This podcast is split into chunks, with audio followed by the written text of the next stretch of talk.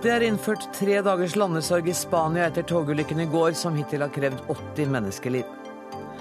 Mer makt til folket og mindre til partiene, det krever Ola Borten Moe, som hevder at det politiske systemet her til lands er lukket og selvrekrutterende.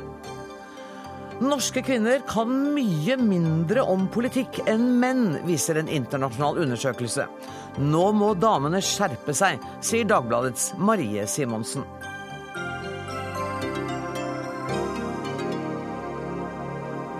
Dette er noen av overskriftene i Dagsnytt 18 denne torsdagen, der vi også skal høre at det er voldsomme demonstrasjoner i Bulgaria, der regjeringen blir beskyldt for korrupsjon og for mafiavirksomhet.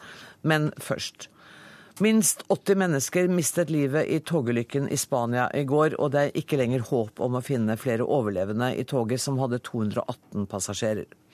Spanias statsminister er nå på ulykkesstedet, og det er erklært tre dagers landesorg. Utenriksmedarbeider her i NRK, Roger Severin Bruland. Letemannskapene har avsluttet søket nå. Hva kommer til å skje videre utover kvelden? Ja, Nå begynner jo den vanskelige oppgaven med å identifisere alle de 80 omkomne. Det er jo ganske mye, en ganske vanskelig eh, oppgave. Eh, de har tatt i bruk en idrettshall eh, der da leger og politi sammen med pårørende da vil gå gjennom de omkomne og se på kroppene og prøve å finne ut hvem de er. Eh, så vil jo en også eh, begynne nå så smått å sjekke de tekniske detaljene her. Finne og etterforske hva som er årsaka til denne ulykka. For det vet man foreløpig ingenting om? Eh, det begynner å tekne seg et bilde av at det kanskje har vært snakk om litt for høy fart. I dag kom det en video av et overvåkningskamera der vi ser dette her toget i svingen i ganske høy fart. og det ser ut som at eh, tog, eller lokomotivet får sleng og drar med seg alle togvognene med 240 passasjerer inn i en betongvegg.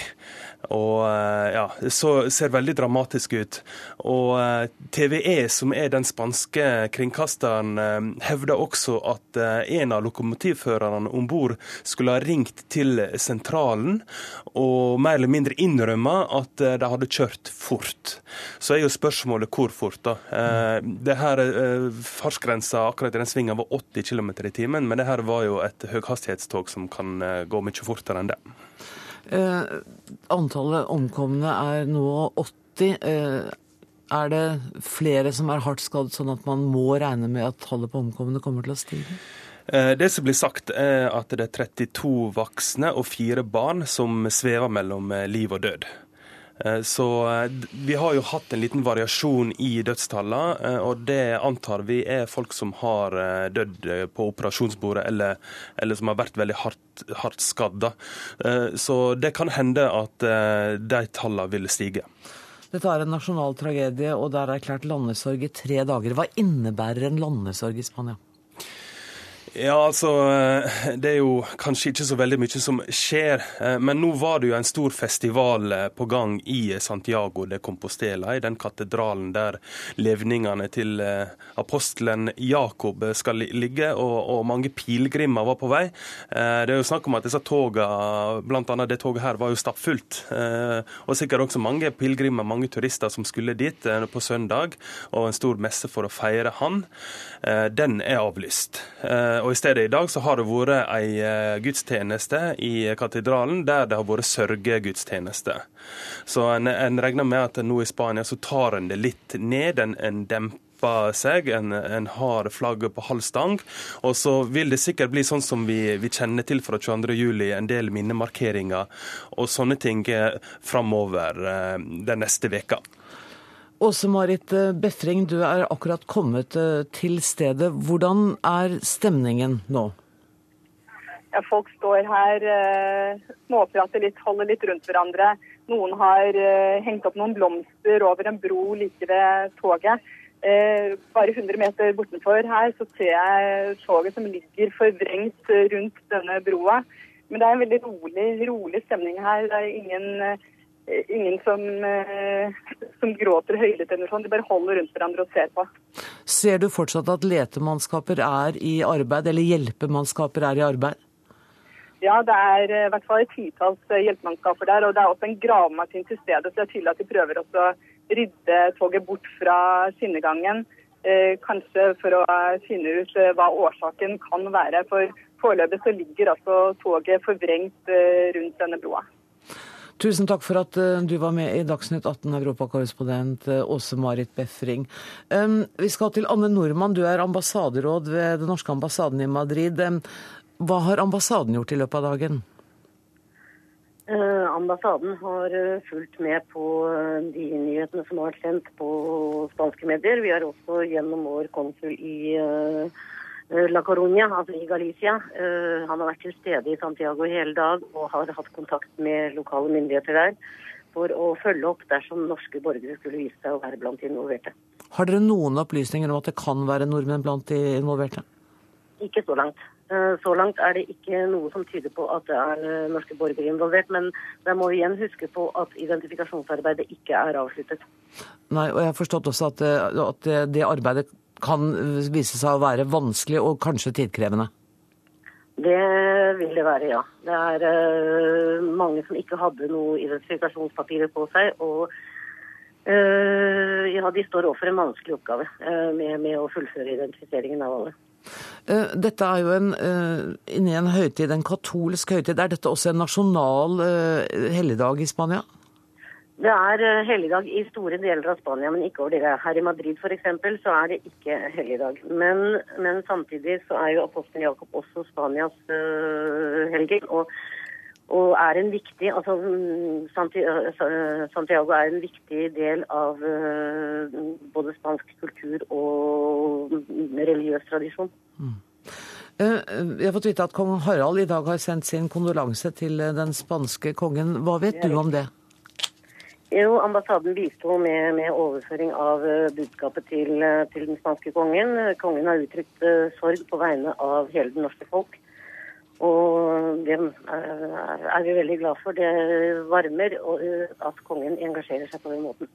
Um, på, på, hvilken måte vil ambassaden merke denne tredagers landesorgen som er innført? Som reporteren sa tidligere, så vil det nok ikke skje veldig mye. Hvorvidt det vil bli lagt ut en kondolanseprotokoll osv., det har vi ikke fått noe beskjed om foreløpig. Eh, dersom den blir lagt ut, så vil vi selvfølgelig uh, signere den. Ambassadøren vil også på sin side sende en uh, hilsen til Galicias president. Uh, og vi vil selvfølgelig følge opp der det måtte være behov for det, også overfor spanske myndigheter. Tusen takk for at du var med i Dagsnytt 18, Anne Nordmann, ambassader av den norske ambassaden i Spania. Takk til Åse Marit Befring, europakorrespondent, og takk også til Roger Severin Bruland, utenriksmedarbeider her i NRK. Hør Dagsnytt 18 når du vil, på nettradio eller som podkast. nrk.no – dagsnytt 18.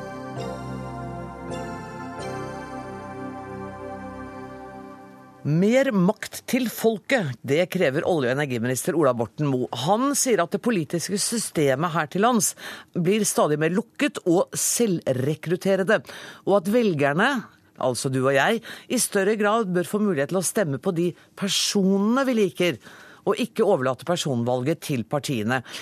Ola Borten Moe, ønsker du deg egentlig en mer amerikanisert valgform?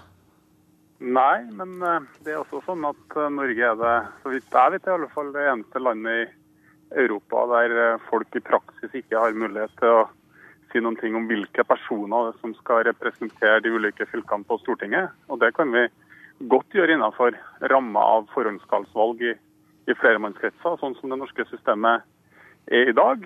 Hvordan ville det bli? Hvordan ville man gjøre det? Det er, sånn, det, det er sånn vi gjør det i norske kommunevalg, der du har mulighet til å kumulere. og Tidligere hadde man jo endog muligheten til å stryke. Jeg tror at det ville ha åpna opp systemet. Eh, flere ville ha stilt fordi at man har sett at det har vært eh, større muligheter, uten at man har brukt mange år av sitt liv i en eller annen partipolitisk organisasjon.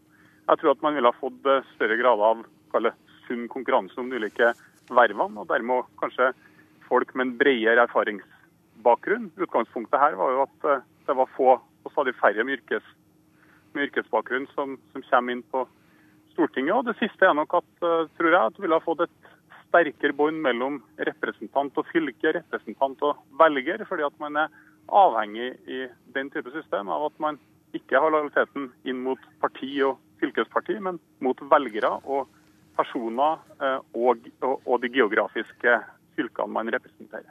Og Du sier jo også i kronikken din at et av problemene er at, uh, at det, er selv, altså det, politiske systemet er selvrekrutterende, og at man ved den måten som du tenker på, vil få et bredere grunnlag, altså flere folk å velge blant? Ja, jeg tror jo det. Og det systemet vi har nå, det ble jo forma i en tid der eh, partiene i langt større grad enn nå var eh, brede folkebevegelser. Og tar du Senterpartiet som eksempel, så hadde vi på 70-tallet nesten 80 000 medlemmer. Eh, I dag så har vi knapt 20, eh, og du ser det samme bildet innenfor nær sagt alle de politiske partiene. Så det er et, stadig, en stadig mindre del av den norske befolkninga som i praksis bestemmer hvordan Stortinget skal sammensettes. Men samtidig... Og det, og, det, og, det, mener jeg at vi i alle fall burde ha diskutert, mm. tenkt, snakka høyt rundt hvordan kan man åpne opp Eh, disse systemene? Hvordan kan man, altså Er det formålstjenlig at partiene har monopol på å bestemme hvem det er som skal sitte der, eller kan det være fornuftig at, eh, at folk gjennom valg får mulighet ikke bare til å stemme på parti, men også til å stemme på person. Men samtidig er det ikke et sunnhetstegn det at det er den politiske ideologien vi stemmer på, og ikke om vi liker trynet på den ene eller andre politikeren? Ja, jeg tror jo at eh, Jeg tror heller ikke at det er sånn at eh, personen, heller ikke vårt system, er, eh, er uinteressant. Men jeg tror rett og slett at det er ingen grunn til å undergrave på en måte, eller, eller ha for lite tiltro til det som kaller en kollektive fornuft, eller de beslutningene som det norske folk fatter gjennom, gjennom valg. Og så tror jeg som sagt at en endring i denne retning ville kunne bidra til å åpna opp systemene, åpna opp det politiske systemet mer, invitert flere folk inn, flere folk med en annen bakgrunn. Eh, skapt en annen politisk samtale eh, enn det vi har i Norge i dag. Nikolai Astrup, stortings, eh, stortingsrepresentant for Høyre. Så vidt jeg vet, Har du noen erfaringer fra prosesser i ditt eget parti som gjør at du er litt skeptisk til Borten Moes forslag?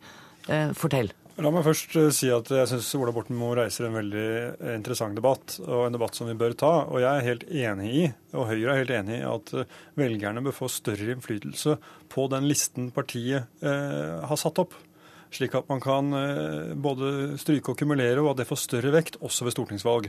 Og Vi har fremmet forslag om det i Stortinget, eh, og dessverre så fikk vi ikke eh, flertall for det. Men i Oslo Høyre så har vi vært veldig, veldig tidlig ute med å åpne opp våre nominasjonsprosesser. Så vi har ved de siste valgene hatt uravstemning, men vi har kun brukt det blant våre medlemmer.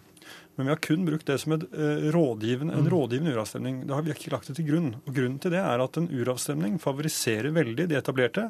Det favoriserer veldig de som er såkalt kjendiser. Eh, og eh, det tar ikke hensyn til helheten. Så vi bruker det som et råd. Men det er klart, for et parti er det også viktig å ta vare på nemlig representativitet, kjønn, alder, yrkesbakgrunn, geografisk fordeling. Det er mange hensyn som vi skal ta vare på, i tillegg til selvfølgelig at de personene som velges skal være godt egnet til, til, vervet de har. Men vil ikke det eh, forslaget om eh, altså Vil ikke de politiske kjendisene være de som blir favorisert, nesten uansett hva slags ordning man velger? Jo, Man kan jo lett tenke seg at uh, Ola, Bortens, uh, Ola Borten Moes mål er å få inn flere fra andre typer yrker inn i politikken, og det er jeg helt enig i. og uh, Høyre har alltid vært opptatt av vi skal ha folk som har jobbet i det private, inn mm. i politikken. Det er bra med den utvekslingen. Men det er klart at hvis du har noen som er veldig kjent, som står på en sånn liste, så vil vedkommende fyke rett opp, helt uavhengig av om vedkommende er egnet til å representere partiet på en god måte.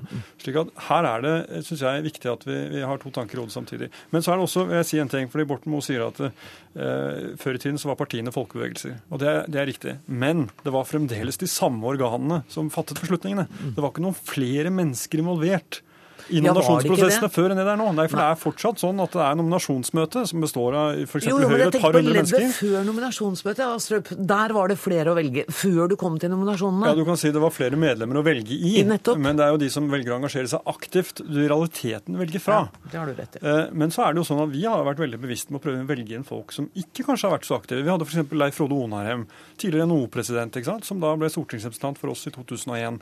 Eh, Og nå har vi Kristin Vinje på fjerdeplass i Oslo med doktorgrad i petrokjemi og veldig, eh, veldig dyktig og kvalifisert kvinne som nå er finansbyråd. Hun kom inn i 2007 i politikken som et helt ubeskrevet blad.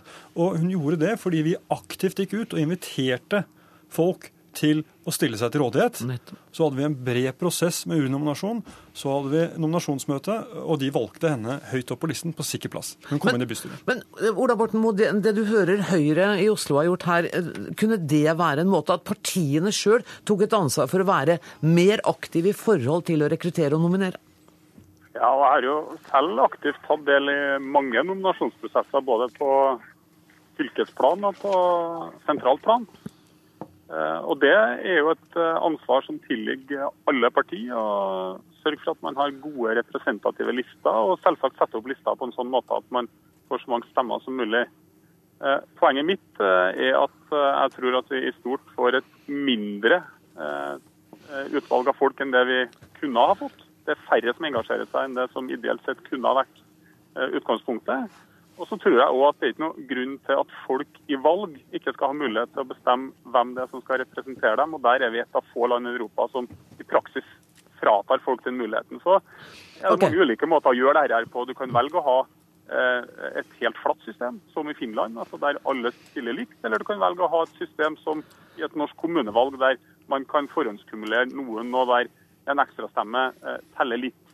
Vi skal, vet Det, du, det, det systemet et system de har i Sverige, så det finnes mange sjatteringer. og Det er ikke et svart-hvitt eh, det er ikke et svart-hvitt innspill her, så her er jeg helt sikker på at det finnes gode løsninger hvis man vil.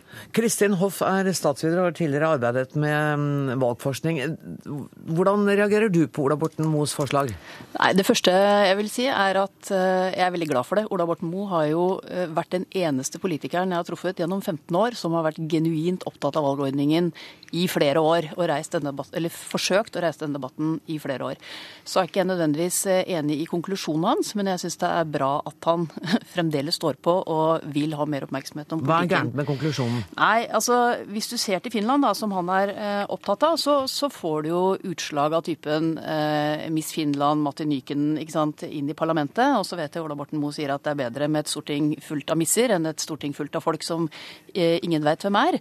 Eh, det er ikke jeg enig i, eh, og det er rett og slett fordi at det å være kjent eh, ikke nødvendigvis kvalifiserer til å styre landet.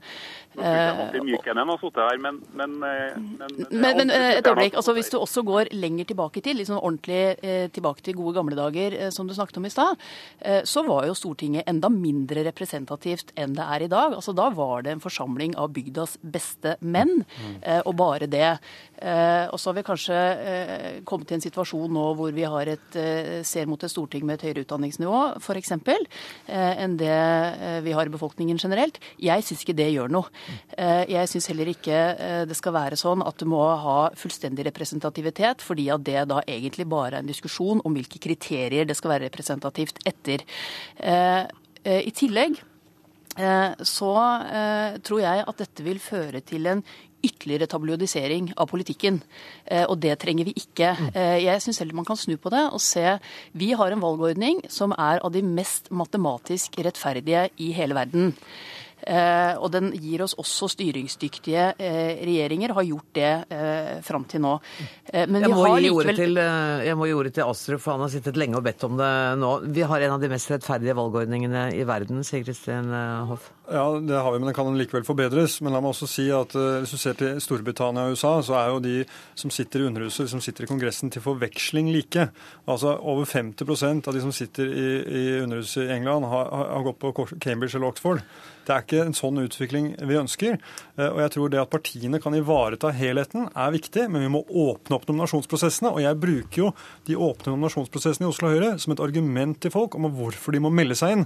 Fordi de gir innflytelse på hvem som blir valgt. Ola Borten er det, er det, har du sagt at det er flere bedre at Stortinget er fullt av misser enn, at, enn av folk som de ingen vet hvem er?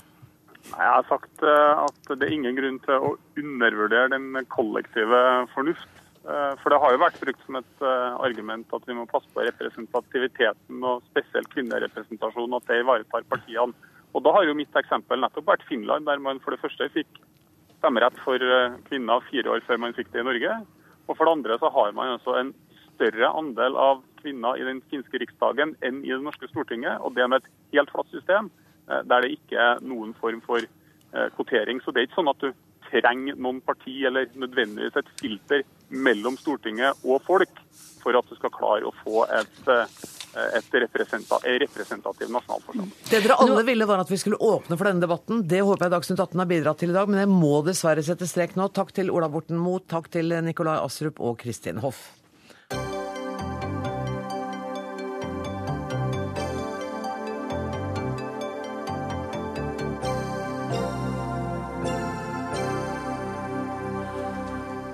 Mens folk flest i Norge kan pensjonere seg 67 år gamle, kan de som arbeider i politi, forsvar og brannvesen i dag legge arbeidsskoa på hylla så tidlig som ved fylte 57. Men det er en ordning som må forandres, sier du til Dagens Næringsliv i dag, Knut Rød, seniorforsker ved Frisch-senteret for samfunnsøkonomi. 28 000 nordmenn kan i dag gå med pensjon ved 57 eller 60 år. Hva er den samfunnsmessige konsekvensen av det? Ja, dette er en veldig dyr ordning. Eh, det er en ordning som er firkantet. Ikke bare det at folk kan gå av, men de til dels også må eh, gå av. Eh, mens mange av dem ennå har veldig veldig mye å gi i arbeidslivet. Det er en firkantet ordning som, som, tiden har løpt ifra. Det er klart det er noen yrker som det er vanskeligere å stå i til man blir skikkelig gammel enn andre yrker. Politi, brann? Sannsynligvis. Og de yrkene bør ha gode pensjonsordninger som gjør det mulig for folk å trekke seg noe tidligere ut av arbeidslivet enn de andre gjør. Men å ha en sånn ordning som er så firkantet som den vi har i dag, det representerer en enorm sløsing. Men mener du at politifolk flest bør kunne gå inn i den normale pensjonsordningen? Altså jeg tror nok, eh, altså Nå kjenner ikke jeg til alle detaljene knyttet til det yrket, men jeg tror det er helt opplagt at eh, enkelte yrker eh, er det vanskeligere som sagt, å jobbe lenge, og at man da har behov for en bedre pensjonsordning. Men pensjonssystemet som sådan bør være akkurat slik som alle andre har det. Dvs. Si at man har en pensjonsformue man kan velge når man vil gå av. Det lønner seg å stå lenger i arbeid. Sigve Bolstad, du er leder for Politiets Fellesforbund. Hvor lenge kan samfunnet forvente at en politimann bør stå i jobben? Det fremkommer noen uh, faktafeil når jeg leser en del av de oppslagene som har vært. Det ene det er at uh, særaldersgrensa i, i, norsk politi er henholdsvis 63 og 60 år. Ikke 60 og 57, okay. men 63 og, og 60. Eh, og det andre det er at eh, det er mulig, altså Lovverket åpner opp for mulighet for å stå utover 63 og, eh, og 60. Ja, Men ikke uten videre. Da, da, må man søke, ikke sant? Det er korrekt at man, må, at man, må, søke. Men hvis det er et ønske, og Politiets Fellesforbund er tydelig på at man ønsker at flere som, som både er motivert og besitter en god kompetanse, Eh, som de aller fleste i norsk politi eh, besitter, eh, skal kunne ha en mulighet for oss å stå videre. Men, Men kunne, man fort, søke, kunne man ikke da se for seg at man slapp å søke? At det, at det faktisk var en reell frivillighet i dette? Altså vår, vår, konklusjon i denne saken er at det må baseres på frivillighet. Det betyr at den som ut fra en helhetsvurdering Det er en belastning å være lovens håndhever. Eh, både fysisk og, og, psykisk, så er det en eh, belastning over tid. Derfor så nevner vi dette med, med, helheten. Så Hvis du da føler for at du skal gå, så må du kunne ha en, en mulighet for å benytte av særaldersgrensa.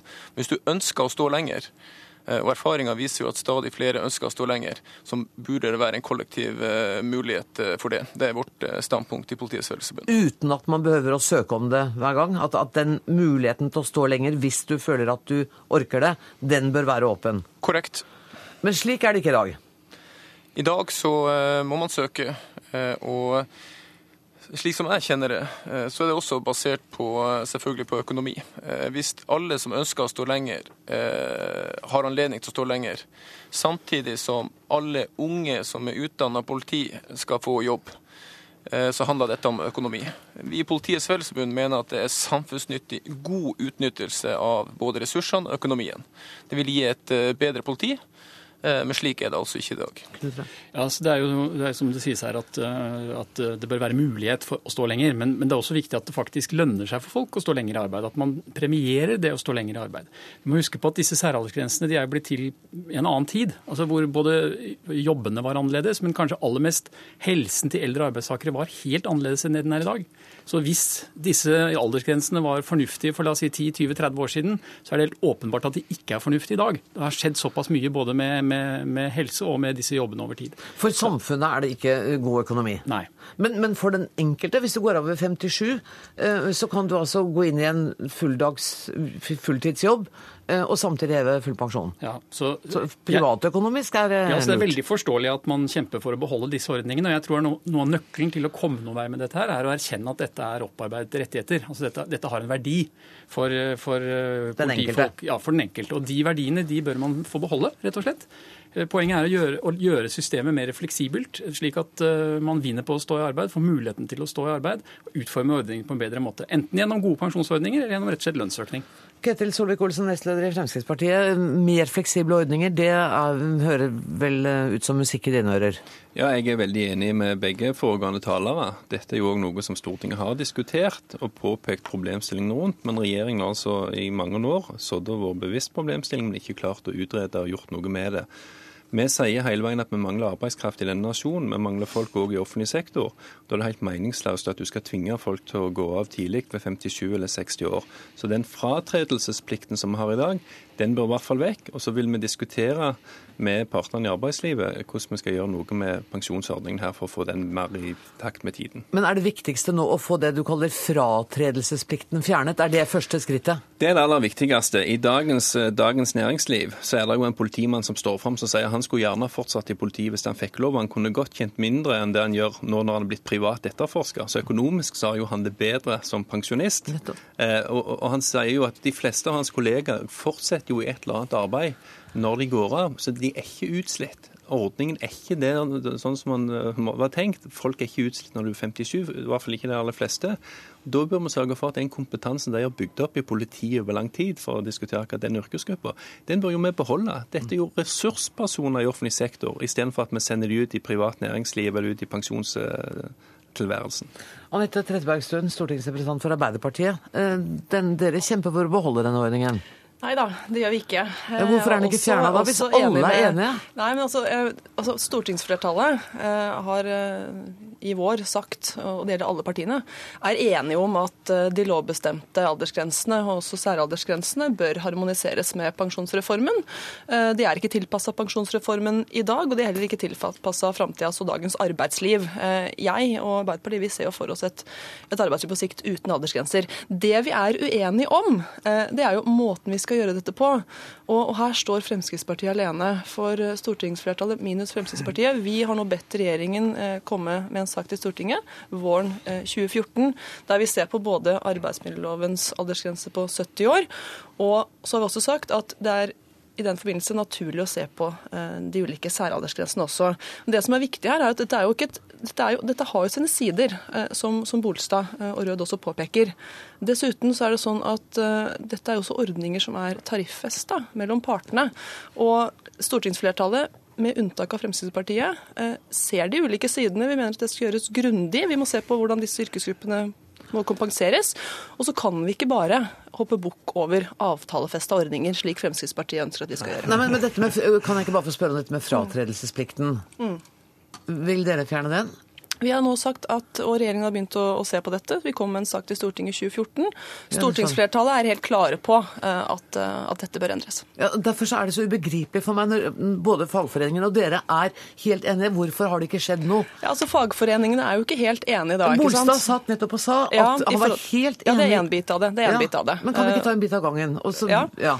Nei, altså nå, nå, nå, er dette arbeidet i gang, og det kommer en sak til Stortinget. Eh, og vi har vært opptatt av at partene skal, skal, her eh, være med på denne jobben. Eh, er de med, så er det ingen tvil om hvilken vei dette går. Da får vi et, et arbeidsliv som er mer tilpassa dagens og morgendagens utfordringer. Bolstad, er du redd for å miste noen goder? Altså, la meg si det sånn. Vårt hovedstandpunkt er at man, man må beholde dagens særaldersgrenser. Personer som har jobba turnus i 30-40 år, dag, kveld, natt, nesten annenhver helg, personer som har jobba med sedelighetssaker, sittet og sett på grov porno over lengre tid, med mere. Det, det går inntil ei grense, eh, og så er det et behov for å kunne ha en særaldersgrense og trekke seg tilbake etter å ha gjort en glimrende jobb for eh, samfunnet. Og så er det noen, som det blir påpekt, det er noen som føler seg i god form, og det er vi veldig glad for, som ønsker å stå lenger. De har vi i Politiets Fellesforbund ingenting imot at står lengre i politiyrket og gir den gode kompetansen og kunnskapen eh, som de har. Men som sagt, de som føler for å gå, der må det fremdeles være en særaldersgrense. Ellers så tror jeg samfunnet gjør en stor bommert med dagens eh, politi. Solvik-Olsen. Ja, og Der er jeg helt enig. Og Her er det to tema. Det ene er særaldersgrensen, som gir deg rett til å gå av. Den er tariffesta mange steder. Den ønsker vi å beholde. Det er bare tull. Det, er politisk pjatt du holder på med når du prøver å si at Frp er imot den. Den er alle for. Men det er den fratredelsesplikten som vi er imot, som vi mener at det går an å ta initiativ for å få gjort noe med. Og så er det riktig at partene i arbeidslivet må være med på den greia. Og det er òg bare tull når du gir inntrykk av at Frp ikke bryr seg om det. Men poenget er at staten her er jo den som er arbeidsgiver. For politi, for alt dette her. Dette er offentlig ansatte i all hovedsak vi snakker om. Og dette var et tema i Stortinget allerede i 2007. Det er seks år siden. Og dere har altså ikke selv seks, i løpet av seks år klart å legge fram denne saken. Dere skyver den til etter valg, og det viser jo bare at dere orker ikke, dere klarer ikke å ta grep på denne saken og gjøre det som dere sier dere er enig i, men som dere altså ikke klarer å vise handlekraft på. Jeg kan ikke oppsummere på annen måte enn at både fagforeningene og de politiske partiene her er enige om at noe må gjøres med f.eks. fratredelsesplikten. Og da må jeg bare be forskeren eh, avrunde her. Vil det bidra til bedre samfunnsøkonomi hvis man fjernet denne såkalte fratredelsesplikten? Ja, Det vil bidra til bedre samfunnsøkonomi, men det som er aller viktigst, er å få hele pensjonssystemet lagt om, slik at man har den fleksibiliteten, har den muligheten til å gå av tidlig hvis man er tidlig, men samtidig vinner på, får en gevinst av å fortsette i arbeidslivet og jobbe lengre. Vi trenger denne kompetansen videre, og det er ingen mening i at veldig mange offentlig ansatte i dag enten skal trekke seg helt ut av arbeidslivet når de er 57 eller 60 år, eller presses over i Securitas eller i privat virksomhet for, for på den måten å få både, både altså pensjon og lønn. Går an å konkludere med at det kommer til å skje noen endringer her uansett, tenker jeg. Ja. Tusen takk for at dere kom, Knut Rød, Sigurd Bolstad, Ketil Solvik-Olsen og Anette Trettebergstuen.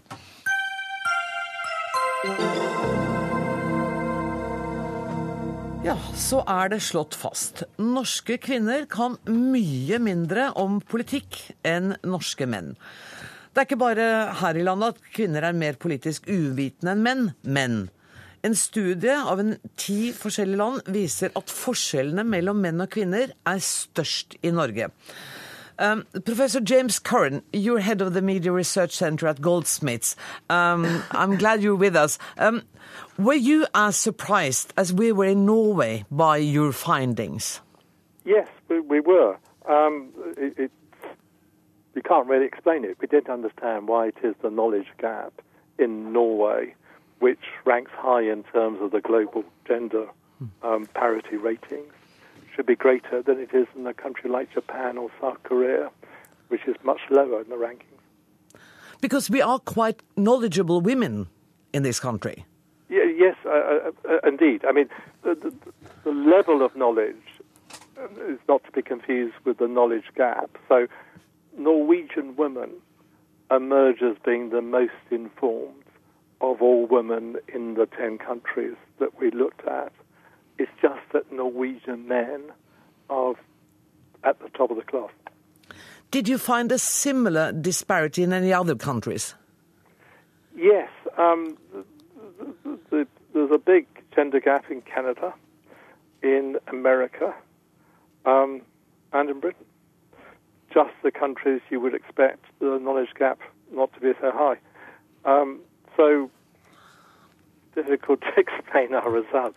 And the reason why it's difficult is because you assume that as the advance of women continues, the countries which are leading the way would have the most knowledgeable women in relation to men. Mm. And that doesn't seem to be the case. Can I prompt you to suggest an explanation? Um, I think one explanation is that women do more work in the home mm. than men, um, and therefore they have less time. And there's a very close relationship to between how much news you watch how much you know about public affairs, and women consume less news than men. Um, so, and that may be due to the fact they they take on an unequal share of work in the home. Um, it, it's also probably to do with the way in which politics is reported. Um, we found to our surprise that um, only 30% of TV hard news stories interviewed or cited women. That, that's for the 10 countries as a whole, uh, nine countries as a whole. So, so public affairs is projected as being a place where men do most of the talking and doing, um, and where women are marginalised, and that may weaken the sense of connection with politics. Um,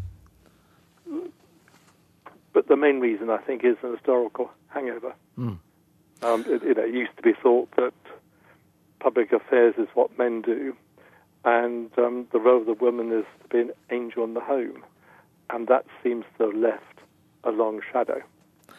Professor James Curran, thank you so much for joining us in Dagsnytt 18. Toril Aalberg, du er professor i statsvitenskap ved NTNU, og du har ledet den norske delen av studien. Og jeg bør vel ikke å spørre engang om du også var overrasket? Ja, nei da, jeg var helt klart overraska over at gapet var så stort i, i Norge. Altså, vi, vi vet jo fra tidligere studier at kvinner gjerne scorer lavere enn en menn på sånne spørsmål, men, men, det var nettopp det der med at kunnskapsgapet var høyest i Norge som, som kom som en stor overraskelse.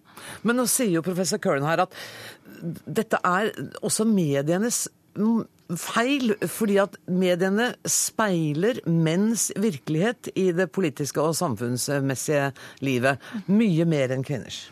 Ja, til en viss grad. Altså, det er jo én potensiell delforklaring, men det forklarer nok ikke hele, hele greia. Og, og, det som på en måte, de her forklaringspotensialene til, som, som, James eh, Curran nevnte nå nettopp, altså det, det, forklarer jo veldig godt det her skjønnsgapet generelt, men det forklarer jo ikke hvorfor det er større i Norge. For det er jo ikke sånn at, at uh, norske kvinner ser veldig mye mindre på nyheter enn en kvinner i Japan og, og Sør-Korea osv. Nei, og kanskje ikke veldig mye mindre enn norske menn heller. Altså, vi, ser, vi får jo med oss altså Dagsrevyen har jo skyhøyt seertall både blant kvinner og menn? Ja da, altså, det, det, det, det er riktig. Og, og, generelt så er jo, altså hvis du ser på andre demografiske variabler, så er jo utgangspunktet gapet mellom de kunnskapsrike og de, de som ikke har så mye kunnskap, mye mindre. altså Det gjelder når du, du kontrollerer for, for utdanning f.eks., eller hvis du kontrollerer for interesse, så, så, er det jo sånn i Norge at eh, det spiller ikke så stor rolle hvor interessert du er. altså Du får med deg ganske mye likevel i Norge, nettopp fordi at Dagsrevyen og, og, og, og, andre sentrale nyhetssendinger blir sendt sånn i, midt i beste sendetid, sånn at de fleste får det med seg. Marie Simonsen, politisk redaktør i Dagbladet. Deprimerende, var det det? Det var jo det. Jeg er lettere sjokkert over at det er så ille. Jeg visste jo at det var en viss forskjell, men, men ikke så ille. Og jeg syns på en måte noen av disse forklaringene er litt, er litt tynne, for det er jo ikke det er jo tvert imot sånn at eh, menn bruker mer tid på, på jobb, samtidig som de også bruker mye, eh, snart like mye som, som eh, kvinner på barne- og omsorgsarbeid. Og dermed så har de dårligere tid til å følge med i nyhetsbildet, egentlig, skulle man tro. Eller i hvert fall når man tenker på den deltidsdebatten vi har hatt, så er det mange kvinner som har tid til å følge med i nyhetsbildet. Ja, så det er ikke noe unnskyldning. Ja. Men det det viser, er jo rett og slett at dette kjønnsmaterien er forferdelig seig. Den sitter i. Uh, og vi og vi har et kjønnsaggregert arbeidsmarked hvor, uh, hvor, kvinner ikke har de samme posisjonene som menn.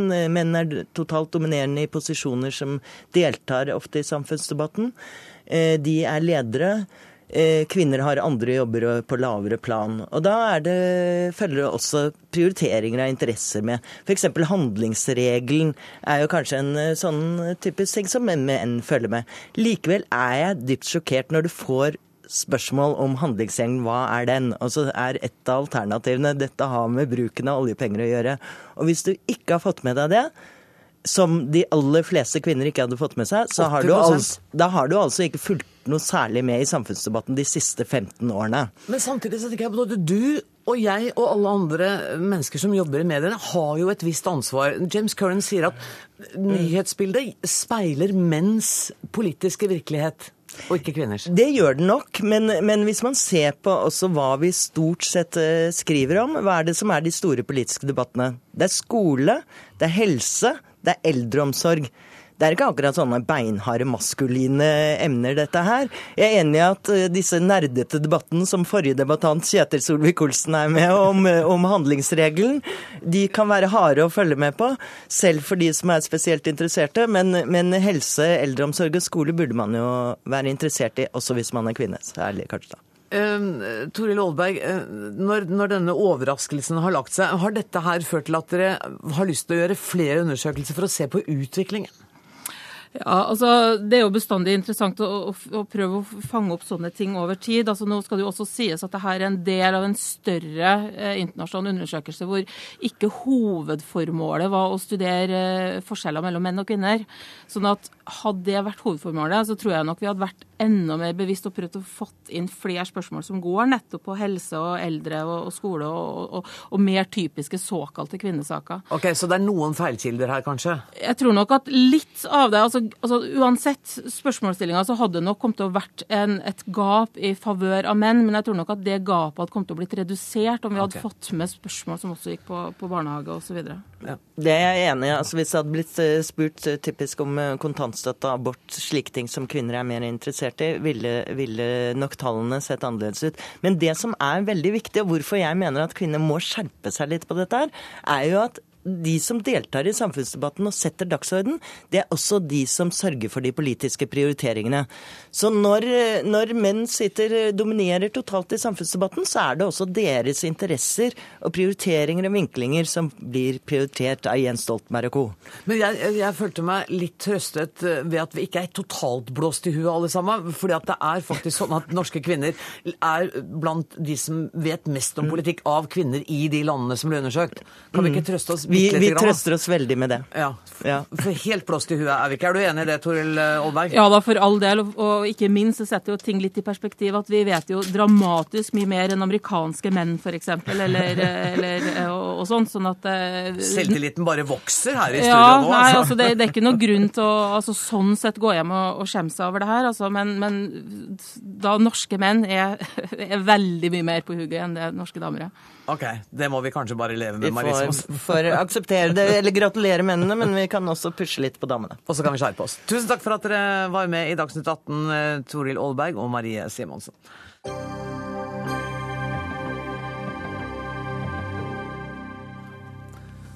Det skal dreie seg om Kommune-Norge, for det samme Norge innkasserer mer enn 8 milliarder kroner i inntekter fra formuesskatten hvert år.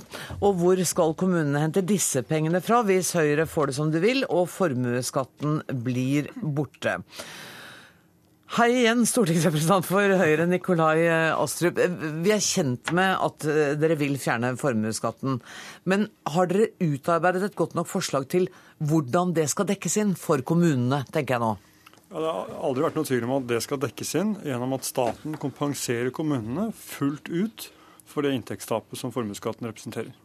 Men det er jo bare å skyve det problemet over på staten.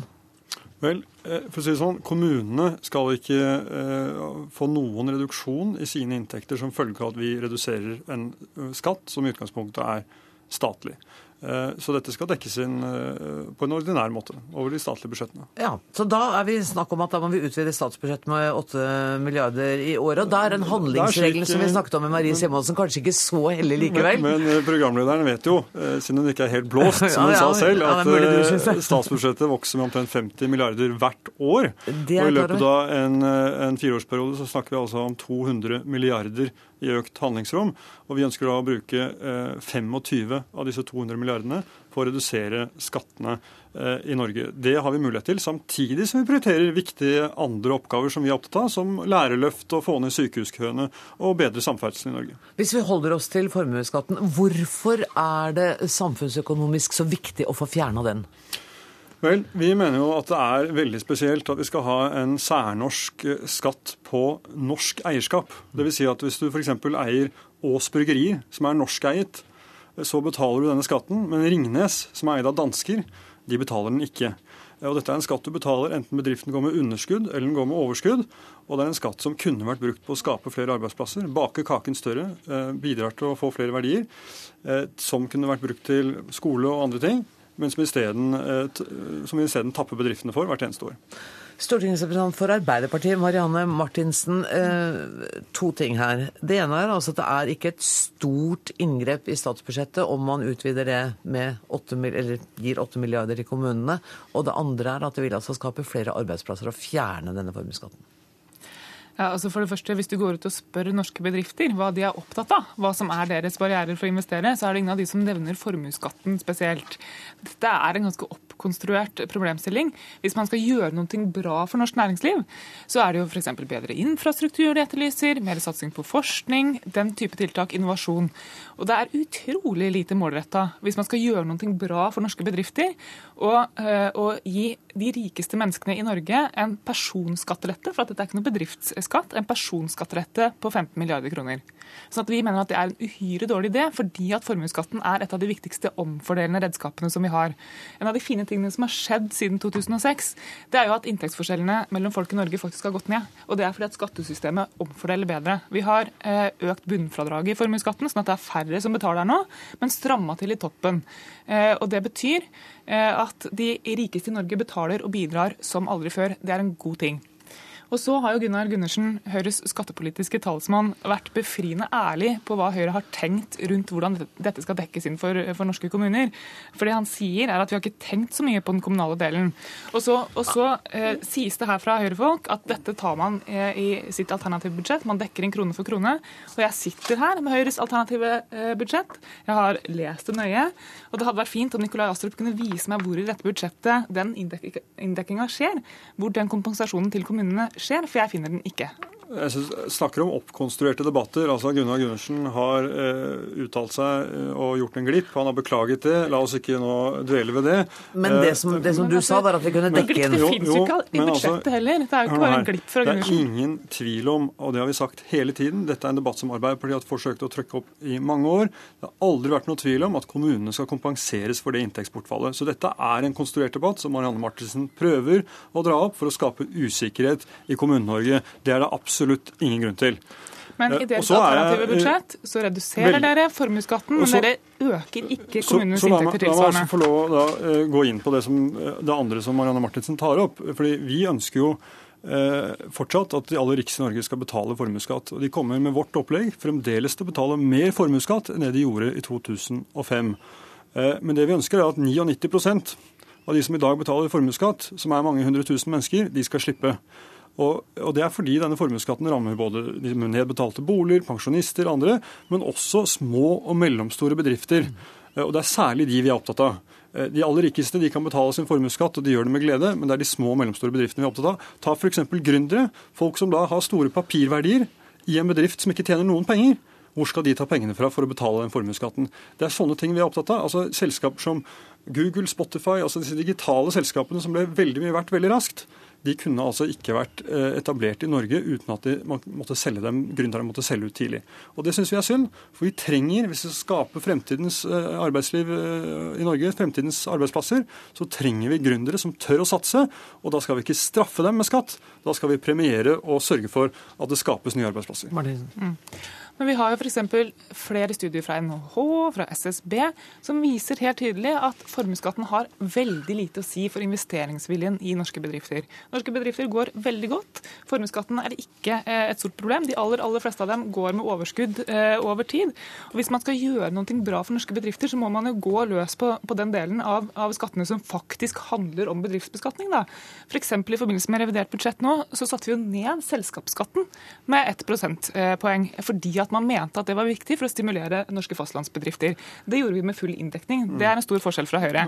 Men det har Høyre altså aldri foreslått. De stemte med oss nå, men de har aldri foreslått det. Det har vært den personskattelettelsen på de rikeste som har vært Høyres Men du, det er jo ikke bare de rikeste som rammes av denne formuesskatten. Det er jo, som Astrup sier, det er flere hundre tusen mennesker i Norge som kommer inn under formuesskatten sånn som den er nå.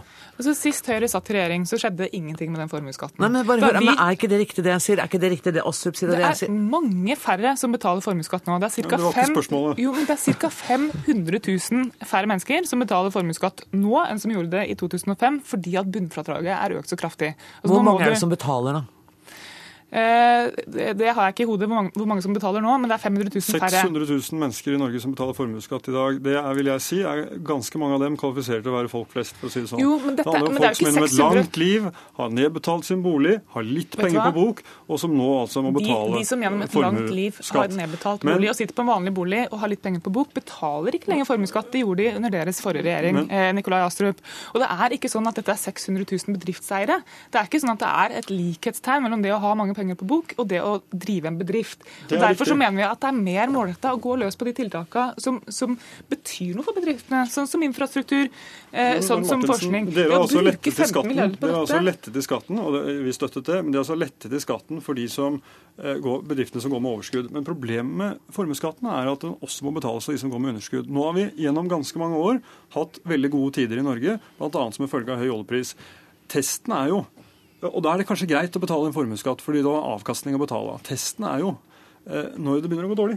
Når de dårlige tidene kommer, vil du da klare som bedrift, en liten bedrift, tre-fire år eh, hvor du går med underskudd, og likevel må låne penger i banken for å betale en skatt på noe som eh, du ikke tjener noe Men vi penger hadde, for på. eksempel Det er finans, vi hadde finanskriseåret 2009. Norske bedrifter klarte seg godt gjennom den. Dere har brukt masse tid og ressurser i Høyre på å lete fram eksempler på, drift, på bedrifter som har gått dukken pga. formuesskatten, og det har blitt tilbakevist gang på gang. Og vi har er brukt litt for mye tid i denne Dagsnytt 18-sendinga, men jeg merker at jeg gleder meg til valgkampen. Eh, Det blir eh, enda flere den, det- Jo, enda mer, tenkte jeg. Tusen takk for at du kom, Marianne Martinsen fra Arbeiderpartiet og Nikolai Astrup fra Høyre.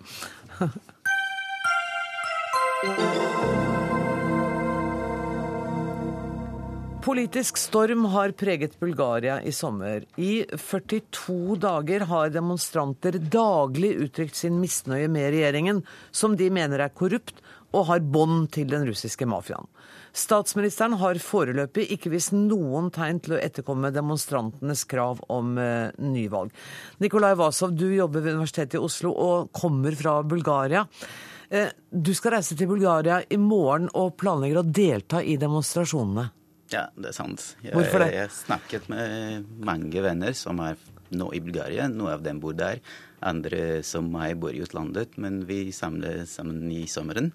Så vi er alle som nesten aldri i løpet av de siste 23 år enige at eh, vi må eh, delta i slike protester og demonstrasjoner. For vi har en spesiell situasjon nå. Hva er den At, den situasjonen? det- situasjonen er at eh, det er protester i Bulgaria, og protestene er for første gang for de siste 23 år er for mye moral i politikken. Ikke for, mot priserøkning eller mot noe økonomiske De har ikke noe økonomiske krav. Okay. Selvfølgelig, de er etter hvert politisk krav ligger noe økonomiske, men hovedsakelig er det politiske krav. Politiske og moralske krav. Politisk moralsk, ja. Og de som lanserte protestene for uh, 42 uh, dager siden, var en veldig uh, skandaløs nominasjon av en taikun, bulgarsk taikon som er 32 år gammel, som han aldri jobbet. Og han var nominert uh, sjefen til bulgarske hjemmelige tjenester, som Ja. er PST, homologen til norsk PST. Han, skulle, han, kom, Ja. han eier en masse radio, TV og aviser, og så skulle han rett inn som sjef for det bulgarske PST. Ja, nettopp. Og- 32 år gammel, uten erfaring. Ja, og et, lov, et lov var forandret akkurat for ham eh, nesten to uker før han var nominert. Og hans nominasjon var godkjent i løpet av 15 minutter av Stortinget uten debatt eller uten. Men uh, egentlig myndighetene forstår ikke at det er mye mer enn eh, de vanlige medier. Det finnes uh, sosiale medier som Facebook, Twitter, og to timer senere var det 40 000 mennesker i senteret av Sofia.